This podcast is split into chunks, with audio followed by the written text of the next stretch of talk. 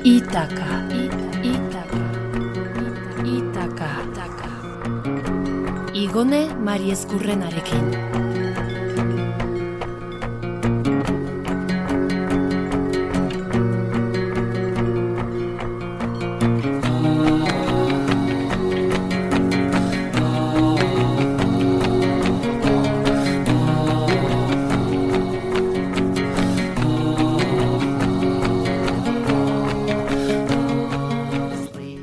Arratxaldeon, entzule ongi etorri itakara, plazerrutxa badakizu, beste ostogun arratsalde batez, zuek bide lagun izatea.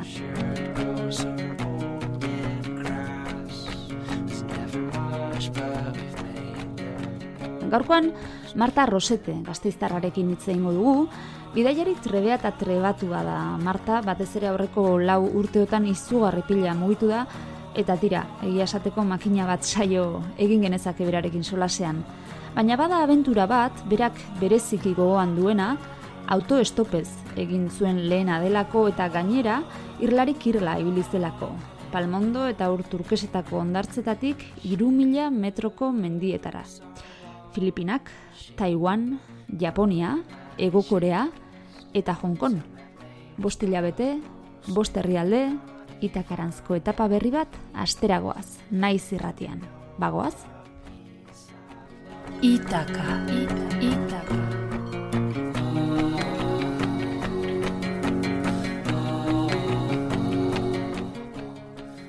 Arratxaldeon, Marta, zer modu zaude? Arratxaldeon igone, zelan. Gazteizalean, harrapatu zaitugu? Bai, hementxe, etxean, etxean bertan. Arraroa da, eh, ni egotea etxean. Bai, ez da. Bai, Marta, zu? bai. Barkatu, eh, bai. Bai, Marta, zu duela lau urtetik ona bizizara horrelako igande eterno batean, ez da? Hori ze, niretzako egunero igandea da, bai, bai, zorionez, eh? Duela lau urte hartu zenuen eh, estentzia bat lanean, bidaiatzeko ustez urte betez, eta ordu ezkerostik ezin izan duzu gelditu, zer gertatu zaizu? Ai, ama, hori, hori dinondik. Pues bai, hori zenik eh, irakaskuntzan lan egiten dut. Eta pues, egunen batean erabaki nuen urte beteko ex- excedentzia hartzea. Eta, bueno, han konturatu nintzen ze zaila izan zen eta no, zenbat denbora luze kostatu zitzaidala erabaki hartzea. Eta gero zehazkar, pasatu zen dana ikasturte hori. Orduan, pues, erabaki nuen luzatzea eta beste bat hartzea. Eta, pues, horrela ja izan dira Pues lau urte, eta, eta bueno, eta ia eskatu dut bosgarrena. Bosgarrena eta Oh, azkena. Bai, bai. Ja, lote, completo, el completo, bai. Bueno, mundu osoan barrena ibili zera urte hauetan. Hala ere, etzera oso ibilbidea gehiegi planifikatu zalea, ezta? Ez que ba, que ezin dut, ezin dut, ba. E, eta gainera, ja, bueno, badakit bapateko planak ondo ateratzen zaizkidala, ordua, pues, horretan nabil, bai. E, bapateko planak egiten, bai. Hmm, orain dela urte bete gutxi gora bera, Filipinetan hasi eta hortik bost hilabetera Hongkonen bukatu zen bidai bat hasi zenuen, eta okerrez banago Filipinetan hastearena ia, ia kasualidadea izan zen baita ere, ezta? Bai, oza, dana kasualitatez. Ze ez nekien, bueno, sin más, atera zen Filipinas, atera zen nire buruan, izen hori, eta ba justo egun on batean, pues, pues buratu zitzaidan bilatzea hegaldi bat, eta pues Filipinas agertu zen, agertu zenan ordenagailuan, joan, da, bitu, Filipinas. Eta, bueno, hegaldi presio honean hartu nuen, urrengo egunerako. Orduan, pues venga, motxila prestatu, tita, eta ya está, lagunak agurtu, e, familia, eta banoa, baina zen denbora, pues, ez dakit. Eta azkenean, bueno, lusatu zen, bueno, bost hilabete izan ziren, eta, eta zenbat herrialde desberdinetan egon nintzen, bai. Ba, zenekien zerbait zure lehenengo destinoari buruz? Ba, ze, bezbitu, egun batetik bestera izan zenez, ba, ez nekien ez da, zen hizkuntzatan, ze hitz egiten denan, ez nekien txampona, ez nekien, bueno, ez da bizadoa, ez ebes, ez ebes, ez ebes, hartu nuen egaldia, eta gero, karo, informazioaren bila iban nintzen. E, eta urrengo gunean, agertu nintzen Filipinasen, eta nengoenean gogoratzen dut, esaten nuela, baina ze demontre egiten dudan hemen, zehatxo bat nengoen nire etxean, bueno, nire etxean tabernan kafetxo bat hartzen, eta buratu zitzaidan joatea, eta bitu. Eta, eta bueno, apurka-apurka hasi nintzen handik mugitzen eta eta eta aztertzen, aber zer zegoen handik. Pentsatzen dut, lehenengo bai. gau eramango zenuela lotuta behintzat, ez da? Bai, hori, hori beti eh, eskatzen dizute egaldian bertan. Egazkinean beti galdetzen dizute non geldituko zaren. Orduan behintzat, naiz eta reserva ez egin, behintzat izena eta albidea eraman behar duzu beti apuntatuta zeskatuko dizute. Orduan, hori bai, hori bai, lehenengo, lehenengo gaua. Baina Eta ja, nun lur hartu zenuen, edo zein izan zen lehenengo iria? Pues Manila, eh, oi Manila da, eh, hiriburua eta karo hori erraldoia da, handia, eta ka Filipinas, eske Filipinas dira, bos mila irla. Orduan, eh, pff, pues, irakurri nuenean, bueno, ikusi nuenean lehenengo aldia mapa, digo, ma, baina hau irla, irlak baino ez dira, orduan mugitu behar naiz, er, ferria, eta, eta, eta, bueno, hasi nintzen aztertzen dana, hartu nuen lehenengo ferria, pupupu uste dut, bi egun edo egon nintzela handik, e, ferria, ferrian, ze kabertako ferri bat hartu nuen ez turistiko, oza, turistikoak sartzen diren nolako ferrietan, Orduan, bueno, hanzima sartu nintzen, bi egun ferrian, eta, bueno, ja, hasi nintzen irlak ezagutzen, papa, papa, papa. Eta, buf, zelako paradisua, Filipina, zelako paradisua, ederra. ederra. Turista asko edo bakartia da oraindik? Ez, ez, turista, turista asko daude, turista, bai, eske ederra da, eh?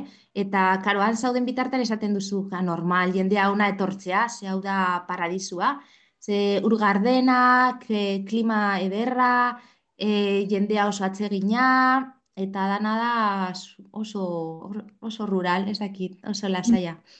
bai. Eta zurekin tratua, batzutan turistekin oso ituta dauden gunetan eta tratua ba ez da izaten behar bada horrelako bidaiari aventura sale batek bilatzen duena, ez? E, Filipinas. E, bueno, e, ez dakit, e, kontua da, karo, ailegatzen zarean, e, oza, badakizu bertakoek azkenean zer nahi dute, oza, turistengan dirua, no? Orduan dan antolatuta dago, ba, zuk turista moduan usteko diruaan. Baina, hasieran esaten nuen, jo, hemen ez dago modurik e, bisitatzeko irlak eta txangorik egin gabe, hau da, oza, dirua eman gabe, zean dira, guztiak dira tur, turrak. Osa, montatzen zara itxasontzi baten, eta eramate zaituzte toki eder batera, eta hori bai, dana, izugarri polita, baina karo, dirua utzi behar duzu. Eta ni ez nago ituta, no, horretan, e, nahiago nire kabuz, bilatzea gauzak, eta eta hasieran esaten, ba, hemen ez dago modurik ez gastatzeko diru dezetetik. Bai, baina, ke ba, egun ematen esan nuenik, ez dut ordainduko turrik esebez, eta zaituko naiz nire kabuz, pues, eh, asmatzen gauzak, no? Ze egon behar dira gauzak. Eta bai, egon badaude. Aha. Egon badaude, bai. Eta bai. zen izan zen urrengo geltokia? Pues beitu Filipinasen, karo, nik ez nekien esebez, eta han egon da, pues, lehenengo hilabetea pasatu zen tita. Tita, mm. eta, eta bizadua bukatu zitzaidan. Orduan bi aukera nituen, orduan e, lehenengo aukera pues berristea zera bizadoa eta bueno, berrogeita mar euro ordainduz. Edo bestela beste aukera bazen, pues berrogeita mar euro horrekin pues beste galdi bat hartzea ondoko beste herrialde batera, no? Adibidez, eta gero ja bueltatu berriro Filipinesetara, baina bizadoa ordaindu gabe doan. Orduan ka niretzako pues hori zen aukera. Orduan begiratu nuen, eta eskau, nora joango nahi zen, pentsatu nuen. Eta gogoratu nuen, han, mexikar bat ezagutu nuela, neska bat, eta Taiwan ari zela beka bat bati esker txinatarra ekasten, no? Orduan, pues momentu horretan pentsatu nuen, ostras, Taiwan, pues hemen dialdago, no? Eta Taiwan agertu zure mapan. E, Hori da, eta pues mapan begiratu nuen, eta pues egia da, nahiko gertu zegoen, hortaz, pues Taiwanera abiatu nintzen. Eta gau nola ez, pues egun batetik bestera, gauza bera. Ostia, pues Taiwan hemen dago, babetu, pues Taiwanera. Eta agertu nintzen Taiwanen. Eta Taiwan. Taiwanen Marta, ohikoena izaten da, irlari bira ematea edo irlaren e, periferian zehar ibilbidea Oh, egitea, ezta? bonito. Baina zuk ez, zuk hartu eta barne kaldera, zegatik. Kontua daka Taiwan nahiko txikia, nahiko txikia da, eta da irla bat, eta hori, ohikoa da, pues hori, buelta bira ematea. Baina, kao, nik ikusi nituen zera mendiak zeudela erdian, baina eta mendi nahiko altuak, eta ni mendizalea naiz. Osea, gustoko duen mendia pilo bat. Orduan, digo, banoa, banoa mendietara, baina zelan. E, eta irakurri nuen, pues, Taiwanen nahiko segurua zela autostopa egitea. Jo, beitu, ze zegoen garraio biderik zeharkatzeko irla, ez zegoen. Mhm. Eta nik nahi nuen, nahi nuen. Io, bueno, pues igual hasiko naiz. Hori da, dinut, igual hasi- hasiko naiz autostopa egiten. Ba hori, hartu nuen nire lehenengo kartoia eta erretulki bat, eta hasi nintzen nire lehenengo txinatar letrak egiten margosten kartoian, eta, eta bueno, ba, Eta funtzionatu zuen ulertu zuen. oso ondo, oza, jarri nintzen nire lehenengo zera, em, errepide bazterrean, nire irribarre politenarekin, eta, vamos, nire urtebetetxea izango bazen bezala, posposikan, e, kartela erakusten, eta nada, bost minututan banengoen ja kotxe baten barruan. Orduan, oso ondo, oso ondo atera zitzaidan esperientzia, ze gainera familia hori oso jatorra, oso jatorra izan zen, Hori izatzen zure autostep estreinaldia, eta zer topatu zenuen mendietan? Gustatu zitzaizun, espero zenuena zen, edo... Jo, izugarria. Ze, ez nuen espero hain irla txiki baten olako mendiak e, izatea, ze hiru milakoak ziren, osea, erraldoiak, erraldoiak. Eta gau, kontua da, ni ailegatu nintzela goian mendietara, ondartzak, ondartzetako arroparekin, ze nik ez neki, osea, ez neukan bakarrik motxila txiki baten sartzen denarekin. Orduan eh, agertu nintzen mendiko aterpe baten, nire negu, no, neguko ez, udako arroparekin zanklak eta pareoa eta, eta baina nire gogoa zen kristona. Orduan, bueno, han lortu nuen toki bat e, lo egiteko eta eta bueno, nire arropa guztiarekin eta bueno, eskapaditaren bat ja lortu nuen egitea. Mhm. Menditxore edo bai, bai.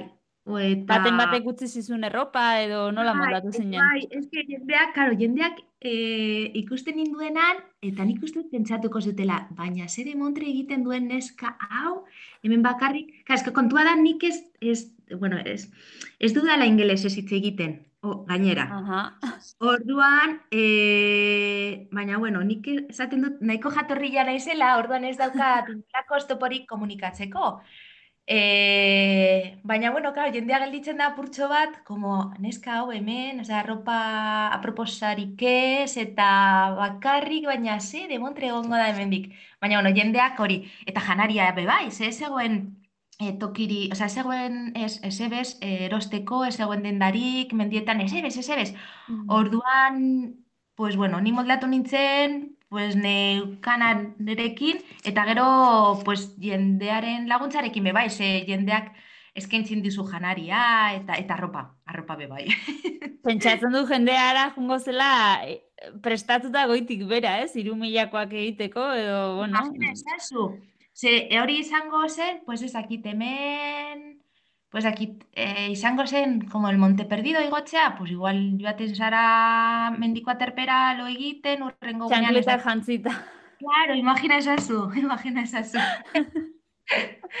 Bai.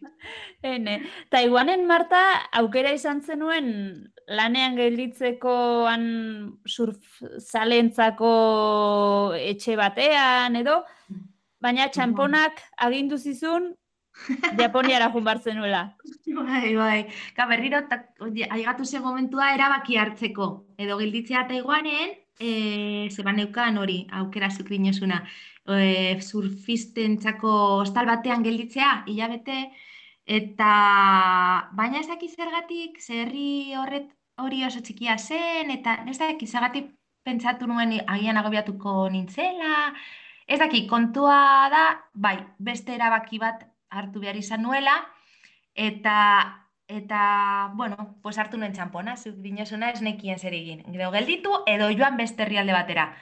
Orduan mapan begiratuta, eh, ondoan zegoen herrialde hori Japon. Japon zen. Y yo, bueno, pues venga, edo Japon edo, edo Taiwan. Japon edo Taiwan, bota nuen txampona eta paka, atera zen Japon. Y digo, ai ama, pues ba, no, a Japonera. Eta, ba, gauza, bera, begiratu egaldia, tal, eta, eta Okinawan agertu nintzen. Okinawan Japonen. Zenik esaten nuen, baina ze demontre egiten dudan Japonen orain. Kau, ja agertu nintzenean Japonen nago, eta bitu. Bai, bai.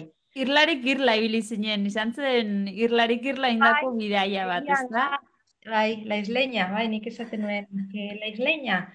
Bai, eta Okinawa, ba, egia esan da destino oso oso polita. Oso. Paradisutik oso gertu dago. Wow. Eh, han bertako tipo batek eh, egon zen aurrera, bueno, lehenago Maldiba zen, eta berak esan zidan, ba, hau Maldiba zen, baino, Maldibas baino politagoa da, eh? Jo, joder, ba ez nahi inoiz egon Maldiba zen, baina benetan paradizioa zela. E, gainera, eh, agertu nintzenean, kasnekien nora joan, eta pues berriro mapa, hartu nuen mapa, eta ikusi nuen idatzita irla baten ama, ama bitz, gogoratzen dut? Ah, Ikuskola, ama bitz, eta esan nuen, jo, zelako izen polita, ama bitz, ba, fijo izango dela oso polita. Eta, eta hartu nuen ferria eta ara joan nintzen, ama bitz hori ezagutzera, eta benetan izugarri polita, bai. merezi zuen. Bai, bai, bai, bai. Okinawan bai, kanpin batean aritu zinen lanean, ez da? Bai, eh, ez behituan, sin más, eh, gelditu nintzen, bilatzen ari nintzen olako bai lana, ba, loaren truke, edo, Mhm. eh, ba, gelditzeko, pues laguntzea nire denborarekin, osea, nik daukadan denbora libre guztiarekin, pues aritzea ez dakit edo zein gauza egiten, eta ba, truke loa edo janaria. Orduan nik uste nuen han topatuko nuela, Baina, baina, bueno, egia esan hori paradisu bat zela eta, bueno, e, nahi nuen nire denbora guztia niretzako, ez nuen galdu nahi. E, orduan egon nintzen, uste dut, aste bete edo e, plantatu nuen nire amaka, e, bi zuaitzen artean, eta egon nintzen, pues, imaz, paseatzen, e, e, pues, igeri egiten, zean, bueno, ura da oso gardena, eta Mhm. kanbina koloretako arrainak posiblea da ikustea. Eta ibili nintzen, pues, como un náufrago, e, aste bete, oso oso gustora, ba, zuarekin e, sukaldatzen, hori amakan lo egiten, eta eta bainu jantzian, egun osoa, e, baina historia da tifon bat e, tortxear zegoela, un tornado bat, orduan, Osea, ja ez lanik ez, ez ebes. Osea, bakarrik aste bete eh, egon, bueno, egon nintzenan. Irla horretan ja beste galdi bat hartu behar izan nuen eh, tornadoa ekiditzeko. Ze ja ez posiblea gelditzea irla horretan. Mhm. Eta pasazinen Japonia paradisiako horretatik, Japonia erabat turistikora. Kontrastea pentsatzen dut, izugarria izango zela. Hori, hori da. Han, han bai, egin nuela, kause, tornadoa etortzear zegoenean, orduan, karo, joan behar nuen bai ala bai, eta ez nekien nora, ez dakiet, ez nekien zer egin, baina beti bezala, pues planak ater, ateratzen dira bazter guztietatik. Eta justu momentu horretan, ba, zegoen irla horretan katalaniar, bueno, pikote bat, eta haiei esker lotu, le, lortu nuen olako lan bat, E, orduan e, joan nintzen irlatik, baina ja e, beste japoniar, e, beste toki batera, eta han bai kanpin batean egon nintzen lanean. Osa, lanean kabainak egurrezko txabolak garbitzen, eta nik baneukan pues, txabola bat doan niretzako eta eta jana bai. Orduan han bai egon nintzen bi aste lan egiten, eta bat, bueno, tokia zen nahiko, pues nahiko lasaia, kanpin bat zen, orduan, pues zonalde hori zen, bueno, baso, ba- basoak e, zera ingururatuta eta, bueno, toki, toki polita deskantzatzeko eta egoteko lasai. Eta gero ja bukatu nituenean bi aste hoiek, orduan bai jarraitu nuen bidaiatzen, eta ja autoestopez, claro, ze ja esperientzia baneukan ja. Ordurako profesionala zinen autostopean. Hori da, eta oso ondo atera zitzaidanez, orduan ba, hori hartu nuen garraio bide hori, bueno, pues bidaiatzeko. Eta ja, orduan bai, ezagutu netuen da zonaldi turistikoenak. Bai. Eta ze, ez dakit, Jo, ba, nolako impactua izan zen, edo zer etorri zitzaizun burura horrela lehen kolpean. Ja, ba, bueno, es que Japon da, ua, Japon, ez, da, bisitatzekoa da, eh? Bisitatzekoa, ez da, puf, ez dakit, e, e, kulturalki, e, niretzako, bai, izan zen oso nabarmena, ez dakit, oso polita, ze haiek oso, zera da, em, e, ezi honekoak dira, eta ez dakit e, zelan esan, oso desberdinak dira, atseginak, oso abegitsuak. Oso. Bai, oso, oso. Orduan nik uste dut merezi duela bisitatzea. Bai. Mhm. Asko Eta kultura gastronomikoa zer, zer kontatuko duzu? Ba, ba bitu, egia esan kau, zen ni motxilero moduan lan egiten dudanez, eta saiatzen naizenez, lusatzen nere bidaiak, orduan, pues, saiatzen naiz bebai aurresten bidaietan. Orduan, pues, gauza batzuk ekiditzen ditut. Orduan, pues, ez daki Japonen, eski Japon oso garestia da, oso. Orduan, pues bueno, jatetzeren baten bai sartu nintzen e, noizean behin, baina hasi noizean behin. Bestela, pues e, bertako jendeak egiten duen moduan, ba sukaldatu. Hori zen, hori zen eguneroko zera. Mhm. Bai, sukaldatu edo ed, bai, pues ekide, bai, ekiditzeko pues gastu handiena, ze hori da, baskaltzea, baskaltzearena. Baina bai, jatetxe batean noizean behin sartu nintzen, eta bueno, da, el, zean da, arrozaren, zea, el, el sushi, sushi, Bai, sushia, sushia, oso, oso, itzugarria, ez da? oso, oso gozoa. Eta zemuz moldatu zinen hiria handietan, Marta? Ba, bueno, eh, pues, nahi, bueno, ondo ez, ez, ez hain txarto. Nahiko, bueno, kontua da ni ohituta nagoela bizikletaz bidaiatzen, orduan, kao, nik egiten dut nahi dudana. Sa, joan nahi badut ezakitora, hartzen du bizikleta eta agertzen zara. Baina, kao, ja bizikletari gabe, orduan behar duzu laguntza. Eta, karo, herriz herriz mugitzeko autostopa oso ondo dago, baina hiri, hirietan izan behar da zera, e, transporte publikoa, bai. Mhm. Eta, baina, bueno, gazak nahi, nahiko ondo prestatuta daude turistek, eh, ez dakite, ez, Osa, la- eh, errestasuna dituzte. Mhm. turistei. Bueno, esen, esen zaila izan, mugitzea handik.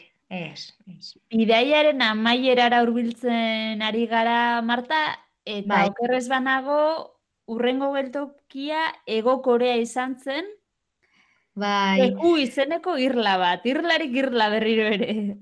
hori egia da, hori da. Baina hori pentsatu barek agertu zen, bueno, ja e, irailean, irailean baneukanik e, bueno, itzordua etxean. E, orduan bane, Gurasoen urrezko esteiak, ez da? er, hori ze. Orduan banekin bueltatu behar nuela eta mm, aukeratu nuen Hong Kong, bueltatzeko etxera, ba, hegaldirik merkeena topatu nuelakoan.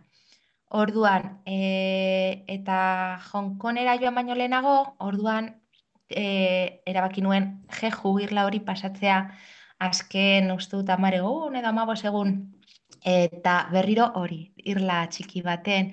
Ze, n- ez dakit, eh, deskubritu dut nahiko ondo moldatzen naizela irletan. Eta oso, oso Amakan, erraza. eta amakan ondo moldatzen zera. Boa, tremendo, bai. Orduan berriro nire amakarekin, orduan pues, jartzen nuen bi zuaitzen artean, eta eta gau, hondartza egonda, eta, eta han, be, han autobusak zeuden, han hasi nintzen, lehenengo gunean a, egin nahi nuen autostopa, eta eskerrak pues, galdetu nuela autobusaren presioa. Ze zen, tirau, oza, merke ez hurrengoan, bai. izango ziren, pues hamar sentimo eta horrekin eman alzion e, irlari buelta osoa, Buelta, oso, oso, oso zen. Eta, pues, eskerrak, galdetu nuela, zi imagina esaz unik autostopa egitenan, eta, eta autobusean, autobusean joan da, iaia duan zen. bueno, ondo, ondo, ondo. Legia zan, E, bidaiaren azken amarre egunak, denbora hori bete zenuen lasai asko, Lasai amakan, eguzki hartzen, bai, zuarekin Han gozatzen. ere, bazeuden mendiak, handik, eh, eta karo, mendietara joan nahi nuen, baina eguraldi txarra egin zuen, tornado bat etorri zen, edo ez dakit tifoia, eta egon zen euria botatzen, ez dakit zenbat egun, baina, bueno, bueno, azkenean egokitzen zara, eta, eta bai, beti badaude alternatibak. Bai, bai, bai. Zauritik ihes egiteko Euskal Herrira itzuli zinen, ez da? Zein, barkatu gone? Euritik iesean Euskal Herrira buelta egin zenuen Bai, azkenean. holan, holan tokatu zen. Bai, eta eta hori, eta tita batean, osea, ez nekien egunen batean etxean urrengoan Filipina zen eta po, po, po, po, po, po, konturatu gabe bitu zenbat herrialde desberdin et, eta eta azkenean hilabete pasatu ziren, baina konturatu gabe, bai. Lau konturatu urte gabe. daramatzazu iaia gelditu gabe bidaiatzen, baina Bai. egia da noizean behin bueltatzen zarela etxera, pasatzen duzu boladatxo bat etxean, Euskal Herrian, familiarekin, lagunekin eta bar, eta berriro ekiten diozula bidaiari. Nolakoak izaten dira etxera bueltak? Ba, normalean, e, bueltatzen naizenean, da, ba, hori, kasu honetan, pues, familia zeo zer dagoelako, edo ezakit, aurrekoan bueltatu nintzen, pues, aizpak erditu zuelako, orduan hitza eman nion bueltatuko nintzela, e, iloba jaiotzerakoan, Eta normalean oso pozik bueltatzen naiz, ba, gogoekin, e, besarkadak e, banatzeko toki guztietatik, eta bai, ilusiarekin berriro lagunak eta familia ikusteko. Baina, bueno, egia esan badakit, egongo, bueno, normalean bueltatzen naizela, egoten naizela hilabete bat, edo bi, edo hiru askoz jota, eta badakit berriro abiatzen naizela. Orduan, orduan, bueltatzen naiz oso gustora. Oso. Zenbateko denbora tartean hasten zaizu harra berriro bueltaka? Ah, be, et- etxetik joateko? Bai. Pues normalean hilabete batekin ja nahikoa. Osea, hasten da, hasten da ja buruaiko pentsatzen, ui, ui, ui, nik askatasuna nahi dut berriro, osea, eske aventura, eske ni aventura zalea naiz, eta behar dut eh, aventura hori. Bai, eh, hemen niretzak rutina da, saia jakitea non egingo dudan lo, non bazkalduko dudan, zer egingo dudan gutxi gora bera, rutina horrek, ah, aspertzen hau, pilo bat, bai. Orduan, bai, laizter hasten naiz, bai, aventura, aventura bilatzen. Asko bidaiatu duzu bakarrik, Marta, baina ez da aukeratua izan, edo ez da zuke bakardadea bilatzen duzulako, baizik eta Ez, zein da arrazoia, behar bada ez duzulako topatzen bazuk bezain beste denbora duenik, edo hori ze. Osea, hasieran lehenengo eszedentzia hartu nuenean, ba, pues normalean beti oporretan edo, eh, normalean bat hor laguna edo bikotea edo, baina normalean bai oso erraza da lotzea beste batekin. Baina gero ja, ka oporrak luzatzen direnean, eta hain luze, hain luze, normalean ez dago inor eh, zurekin joateko. Orduan, nik erabaki nuen hori izan- ez zela izango impedimentu bat, eh, bidaiatzeko, eta, eta ba, holan, izan behar da noizean behin, bakarrik bidaiatzea, bai. bueno, ez gara, ez gara kexatuko horrelakoengatik, ez da? Bai, gainera ezberdina da, ezta? Eta hori be, pues, ez dakit, handik ere ateratzen dituzu gauza onak. Gauza oso onak, oso onak be bai, bai. Jakina. Marta, mila mila esker gurekin partekatzeagatik, zure abenturen zatitxo bat parte bada da ere. Mila kontu dauzkazu kontatzeko, beraz ziur naiz aurrerantzean ere izango zaitugula saioan. Bien Bai. bitartean, zaindu, gozatu Euskal Herriaz, berriro ere harra horre bueltak hasi arte, eta, eta kontatuko diguzu. Bai, ba mila esker igone zuri, ze oso, oso elkarrizketa polita izan da, eta eta hori zuk dinozuna, orain Euskal Herrian oso gustora nago, eta hau be Euskal Herria da izugarri polita. Eta hori esaten dut nek beti, eh? Bueltatzen naizenean, ze polita den Euskal Herria. Eta hori, jarraituko dugu gozatzen hemendik be bai. Hori da, ederki Marta, mila mila esker eta aurren arte. Vale, musu bat. Agur. Agur. Sheets are swaying from an old clothesline like a row of captured ghosts or old dead grass. There's never much, but we've made Bertako hizkuntzaz, txamponaz eta deusetaz ezer jakin gabe lurartu zuen Martak Filipinetan. Eta handik, Filipinetako itsasoa zeharkatuta Taiwan irlaren erdigunera eraman gaitu. Gero, Japoniako Okinawa arte paradisiakoa hitz egin digu, Japonia turistikoa ere bai, tifoiez, bidean lan egiteko aukeraz, eta egokoreako Jehu irlan amaitu dugu. Bidaia oso osoa izan da, eta tira gaztiztarrak erakutsi digu posiblea dela, Taiwanen bihotzean, autostopa egitea beste garraio aukerarik gabe, irumila metroko mendien magalera, goi mendiko aterpetxe batera, txankletak eta pareoa jantzita iristea, eta hala ere gailurrera heltzea. Beraz, beti esaten duguna, gogoak mugitzen gaitu eta gogoak garamatza bilatzen dugun hori lortzera. Baina helmugan, lorpen horretan, ez dago aparteko ezer zure zain. Horregatik, luzatu eta gozatu bidea. Zuk ere zure bidaia zitzegin nahi baduzu, jakina bidali mezu bat, itaka abildua naizirratia.eu selbidera. Eskerrik asko konpainiagatik eta aurren arte.